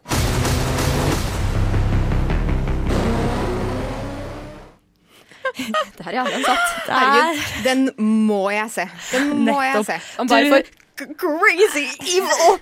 Ja, for der fikk du med deg Motorsagen. Du fikk med deg Nicholas Cage med sine utrolig flotte leverte replikker. Og du skjønte litt av greia. Han er på jakt etter evil, ondskapen. Um, det starter med Nå skal ikke jeg røpe for mye, um, for den går fortsatt. Um, men um, det starter da med Red og Mandy som bor eh, veldig idyllisk til i en skog. Veldig litt sånn ensomt eh, lagt til i skogen, så det, det er ikke så mange andre folk rundt dem. Det er det ikke. Men så er det en kult eh, med da lederen deres, Jeremiah Sand, som eh, kommer gjennom byen. Og det byr på trøbbel og litt greier, og Nicholas Cage som skal eh, ta igjen. Eh, ja. Det sier basically litt av hva den handler om, da. Um, Nicholas Cage han spiller Red Miller, og så er det Andrea Riceborough som spiller Mandy Bloom. Og Linus Roach som spiller Jeremiah Sand. Og alle disse tre eh, gjør en utrolig kul rolle. Eller i hvert fall Andrea Riceborough og Linus Roach. De gjør en utrolig bra rolle. Hæ? Hva, hva sier du nå om Nicholas Cage? Jeg skjønner ikke. Jeg skjønner ikke. Ja, for det var det. Det her er en film som er eh, til tider veldig grotesk. Passer veldig bra inn i temaet vårt som handler om skrekkfilm. For den er grotesk, eh, har noen groteske scener som eh, når du lukker øya, så husker du de veldig godt. Men eh, det er også en film som kanskje ufrivillig blir litt komisk, fordi det nettopp er Nicholas Cage som spiller den rollen han gjør. Og det er litt deilig, for da får du de comic reliefsene som du trenger. Eh, Det er eksempel en scene der Nicholas Cage han kjemper mot disse motorsykkelsombiene, eller monstre. Og eh, rett etter at han da har greid å sleie Eller ja, han har greid å sleie den ene monsteren, det sier seg selv at han kommer til å gjøre det, så tar han kniven og han ikke bare sniffer han kokain, han inhalerer en kopp med kokain. Altså kokain, før han så ser helt uh, gæren ut i blikket. Og dere kjenner nok alle det Nicholas Cage-blikket. Det intense. Ja, Nå trodde jeg skulle si kokainblikket. Ja, det òg, for så vidt. Og man har også Nicholas Cage som kjører i en bil, som jeg vet at eh, veldig mange setter pris på der ute. Eh, for det kan være veldig intenst å se han eh, kjøre rundt. og det er rett og slett en film som jeg vil anbefale. Når jeg satt sånn, så tenkte jeg nei, dette var for grotesk, men nå i etterkant så tenker jeg at jeg skal se den igjen veldig snart. Og den går bare to dager til på Cinemateket. Den går eh, 27. og 29. Altså denne uka, da. Mm. Så ja. Anbefaler egentlig ikke hvis ikke du liker så veldig sånn groteske scener. Så hvis du er veldig sar på det, så burde du ikke se den. Men hvis du er veldig fan av Nicholas Cage, og han på både godt og vondt, så vil jeg i hvert fall anbefale å se den. Jeg har faktisk tenkt å gå og se denne filmen her, fordi for det første jeg elsker Nicholas Cage, og for det andre så er det jo min favorittfilmkomponist, Johan Johansson, som har laget musikken. Som dessverre, rest in peace, eh, er død nå. Så dette er en av hans aller siste filmer han har komponert for. Så selvfølgelig skal jeg gå og se den på kino. Hva syns du om musikken? Musikken var helt fantastisk, for det merkes at det er eh, gjort eh, med hva skal jeg si, ja, med omhu. Eller det er, det er laget til den filmen. Da. Og en annen ting som er veldig kult med den filmen her òg, er bruk av lys. Det kan nesten minne om å se teater på, til tider med tanke på lysbruk. At du ser at det er rigga Du ser ikke lysen som er rigga til, men du skjønner at det er rigga til lys noen steder. Og det er også veldig spennende på mange måter. Mm. Vi kan jo også tease at helt avslutningsvis i sendinga i dag, så kommer du å få et, til å få et lite musikalsk stykke fra nettopp eh, Johan Johansson og denne filmen. Jeg gleder meg. Jeg glemte å si hvem som har regissert den. da Det var jo Panos Kosmatos. Jeg har aldri sett noe fra han før, så dette var en hyggelig overraskelse for min del. Ja. Mm. På skala fra én til ti. Ja, hva vil du, hvordan vil du rate filmen, Ina? Helt uh, individuelt fra mitt ståsted, som har et elsk-hat-forhold til Nicholas Cage og ser ca. alt han uh, har vært med i og laget, så vil jeg si en uh, ja, Ligger på en åtter, ass. Oi. Mm. Det er faktisk Verdt å se. Det, ja, det er, ligger Altså, en åtte er en bra Det, det er innafor, liksom. Og det er veldig spennende, fordi jeg, jeg, åh, ja, jeg syns kult og alt det der er veldig fascinerende. Og han Jeremiah Sand er veldig inspirert av Charles Manson. Så Oh. man ser mye elementer, og mye sånn småpåskeegg for de som er litt um, Hva skal jeg si, nerder på skrekkfilm. For det er mange småreferanser underveis til tidligere skrekkfilmer. Ja, ikke sant. Så det er mye man egentlig kan eh, potensielt kose seg med i den filmen her. Absolutt. Så man bør kanskje løpe til Cinemateket og se den mens man fortsatt har mulighet. Eventuelt catche den når den kommer på en eller annen streamingtjeneste, eller på DVD eller Blu-ray eller et eller annet, kanskje, hvis man har lyst til det. Nå skal vi få litt mer musikk her. Det blir Steel med den deilige låta Opium. Svenske Steel med den utrolig kule låta Opium der. Og eh, du hører på Nova Noir, og i dag er det skrekkfilmtema som det dreier seg rundt. Og det vi ikke har vært så veldig mye inne på, uh, annet enn kanskje at vi har nevnt så vidt, det er norsk skrekkfilm. Å, jeg elsker norsk skrekkfilm. Og vi var jo litt sånn på elsk-hat-tema i stad, men eh, dette her er jo kanskje litt sånn Litt elsk-hat her også over en del av det som eksisterer i norsk skrekkfilmsfære. Ja, her er det lett å hate det meste, dessverre. Eh, det er dessverre det. Det er veldig gøy å se det, som regel. Men ofte så blir norske skrekkfilmer Ja, det blir, det blir bare patetisk, rett og slett. Vi har jo noen klassikere, altså eksempel Villmark fra 2003. Det er jo en av mine favorittskrekkfilmer, hands down. Den er, det er jo en veldig god skrekkfilm. Og vi snakket litt om musikkbruk litt tidligere i sendingen. Og det, det syns jeg er et sånt kroneksempel på eh, veldig, veldig effektiv, veldig minimalistisk bruk av filmmusikk. Som kommer inn med små, skjøre noter Mm. akkurat i de mest intense, skumle settingene i den filmen. Det er veldig godt laget, syns jeg. Men der har de jo liksom, de har klart å holde det lite og ikke overdrive. Og så har de Mm. brukt litt sånn da ukjente skuespillere. Eh, så, og det er litt sånn Ja, liksom Det funker veldig bra, da. Rett og slett. men sånn som Villmark nå nå har jo ikke jeg sett Villmark, men jeg går ut fra at den har den der eh, typisk norske skrekkfilmgreia med ute på hytte og på tur. Absolutt. Ja. Det er 100% det For det, kan vi si at det er en eh, typisk norsk skrekkfilmting? At vi spiller på eh, det, norske med hyttetur? Det er mye Kan- natur det. eh, generelt. Det er jo I alle disse fritt vilt-filmene så er det jo det det handler om også. Mm. Og i min eh, nemesis-film 'Rovdyr' så er det også det det handler om. Det er din nemesis-film. For, forklar, Kaja. Åh, hvor, eh, hvor god tid har vi? Nei, vet du hva, den filmen den så jeg også på kino. Rare prioriteringer jeg har hatt. Men den er en av de verste filmene sånn generelt jeg har sett noensinne. Hva handler den om? Jeg har ikke sett denne handler om eh, fire ungdommer, fikk jeg veldig lyst til å si. Ja, men eh, det stemmer I gåsen, veldig. Gåsen, som ungdommer i gåseøyne, ja, blir det sagt fordi når du ser den, så tenker man det. Ungdommer um, som skal på hyttetur, det er vel det de skal.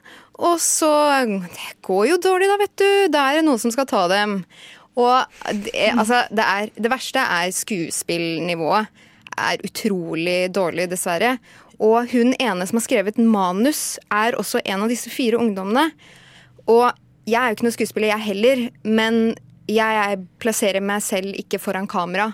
Så jeg føler at hun burde sett at hun ikke er en skuespiller, Ja. og så valgt å ikke spille i filmen sin selv. Og da snakker du om Ninni Bull Robsam. Det er akkurat det jeg gjør. Eh, og hun er ikke en god skuespiller. Hun er ikke det. Jeg beklager å si det, Ninni. Du er sikkert god Men- på veldig mange andre ting. Men det er heller ikke Henriette Brusgaard som Nei. også spiller i den filmen. Hun er også med.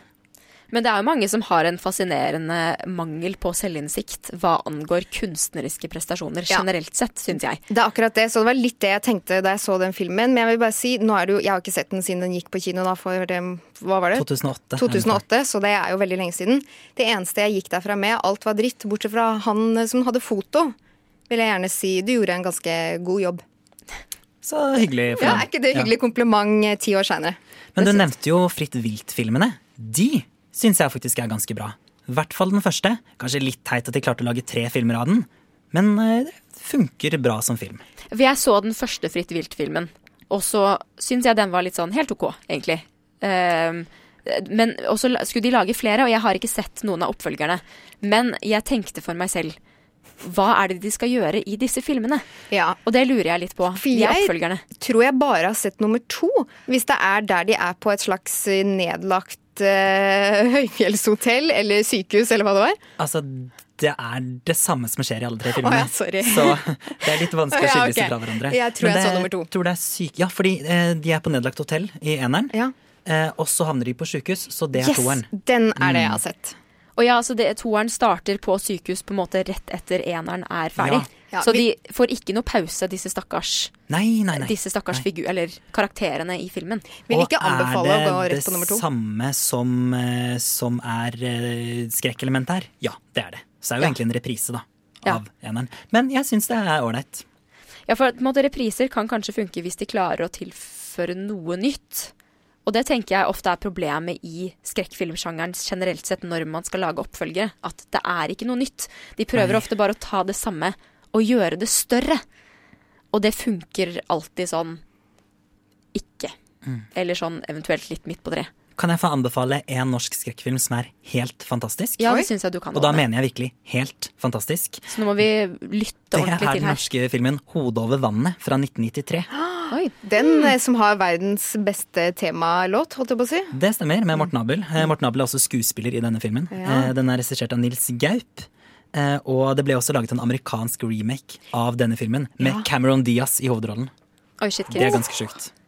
Hodet over vannet. Hode over vannet. Fra 1993. Mm. Det er visst en eh, Kan vi ta med oss som en eh, anbefaling eh, ut, i, ut i natten, holdt jeg på å si, eller ut i dagen, da, teknisk sett, siden det er dag. Vi skal få litt mer musikk før vi går mot avslutning i dag. Nå skal vi få høre Wolfonics med What's Up, og det er featuring Asha Griffith.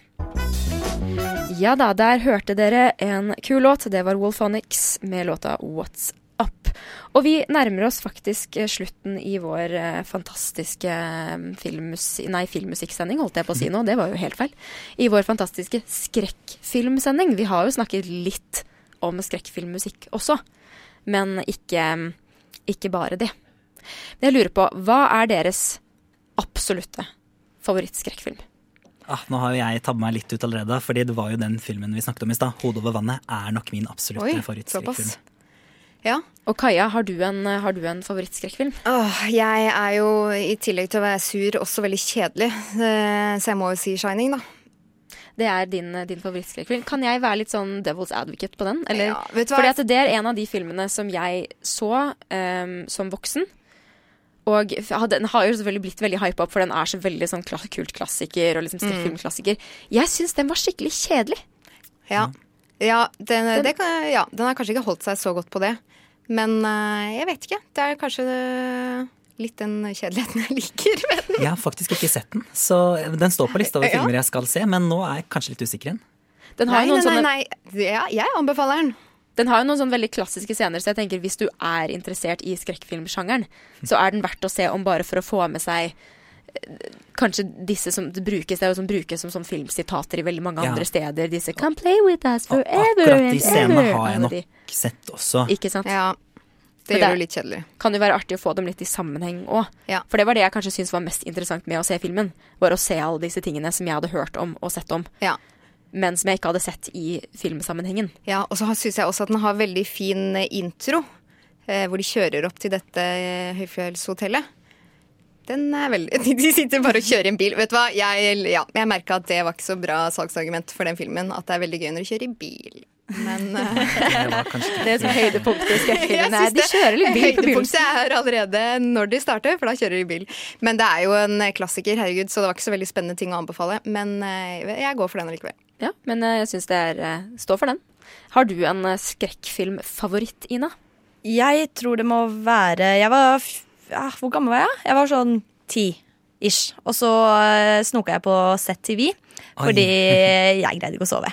Og da så jeg det som jeg da trodde var en dokumentar, eh, som jeg nå har skjønt at var en film, eh, med navn Blair Witch Project.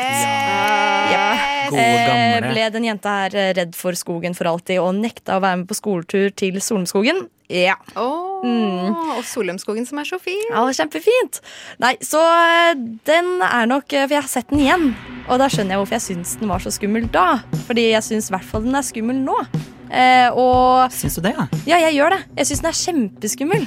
Eh, men eh, jeg liker den, for den virker så Den er kanskje litt sånn Jeg veit ikke. Jeg liker den dokumentariske stilen de hadde, for det var ikke så mye brukt nødvendigvis. Nei, det var nok gjennombruddet for sånn, for sånn mockumentary. Ja, for nå har man jo typ som Paranormal Activity og de filmene der som har eh, veldig slengt seg på den eh, sjangeren der. Nå er jo det litt gammelt igjen, da, men ja. Jeg syns også den, den originale Blair Witch Project-filmen Den er ganske, den er ganske creepy, den. ass. Den Ja. klarer å Den får det pulsen til å gå. Jeg orker ikke å se den nye. Det, det, det Den kan jo ikke være like bra. Kan jeg forresten bare få skyte inn en favoritt til veldig raskt? Shaun of the Dead. Som Ja. da er egentlig, på Wikipedia, så er den en romantisk komedie ispedd zombier. Men jeg vil si at det er en skrekkomedie. Kjempegøy. Den går jeg for. Helt enig. Den er veldig morsom. Jeg støtter deg, Kaja. Jeg personlig må nok gå for uh, Silence of the Lambs, ass. Og sexy Anthony Hopkins som uh, Hannibal Lecter. Eh, hvis du tuner det nå, så er det fordi jeg har en merkelig forelskelse i han. Men vi er faktisk Vi må si oss ferdig for i dag, vi. Det er i dag Sorgenfri som har tatt over Nova Noir. Vi er Ina Kristin Wangsmo Slavekov, Kaja Spjelkavik, Ådne Feiring og Herdis Marie Ruud Hansen. Helt til sist i dag så skal du få eh, litt skikkelig fin musikk. Det er Johan Johansson med 'Children of the New Dawn' fra eh, filmen 'Mandy'.